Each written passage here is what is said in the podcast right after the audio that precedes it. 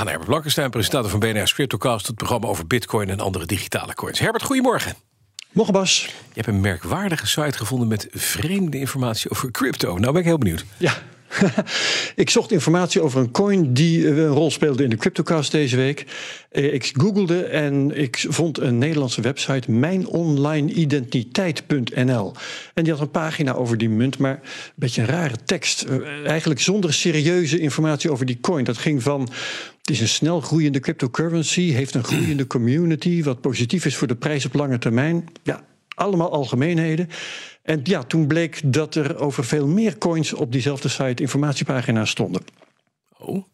En eh, waren die sites allemaal net zo algemeen? Net inderdaad van dit soort teksten, snel groeiende? Ja, die, ja, die andere, precies. Die andere pagina's die waren exact zo exact algemeen. Ja? Op mijn online identiteit.nl staan tientallen pagina's over tientallen crypto's. En op al die pagina's staat eigenlijk dezelfde tekst. Ook over Tron, VeChain, Chainlink, Monero, ga zo maar door. En eigenlijk alleen niet op de pagina over Bitcoin. Ja, dat is dan wel weer handig. Zijn het alleen maar die paar zinnen of eh, is er meer dat hetzelfde is? Nee, nee, veel meer hele lappe tekst. Ik geef je nog één voorbeeld. Een exacte voorspelling, prijs, zo staat het er, is niet uit te brengen. Maar vast staat dat een koersstijging van 100 tot 300 procent erg realistisch is binnen een timeframe van 1 tot 2 jaar. Dat zeggen ze dus over al die coins. Ja, precies. Oké, dat is nog wat. Ze hebben ook dezelfde koersverwachting, eh, heb ik begrepen, hè, voor alle coins op al die verschillende sites.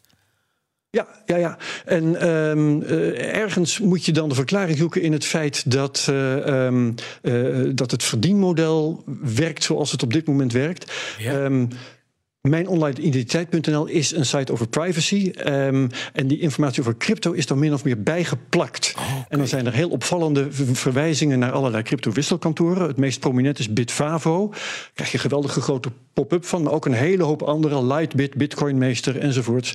Ja, en uh, die, uh, die sponsoren blijkbaar de tent. Ja, dat zou inderdaad, dat zou je dan kunnen zeggen. Maar dan is het toch ook stom dat je, dat je tien keer hetzelfde kunstje doet met dezelfde, dezelfde, dezelfde tekst. Dat, dat, dat, Mensen zijn toch niet dom die dat lezen? Die denken, ja, wat is dit nou?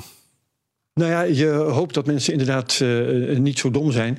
Uh, je moet je altijd realiseren dat je uh, met een simpele zoekopdracht ergens kan komen waar die informatie misschien een andere rol vervult dan jij hoopt. Google is ooit zo ontworpen dat je naar uh, relatieve, uh, relevante, goede informatie wordt gebracht.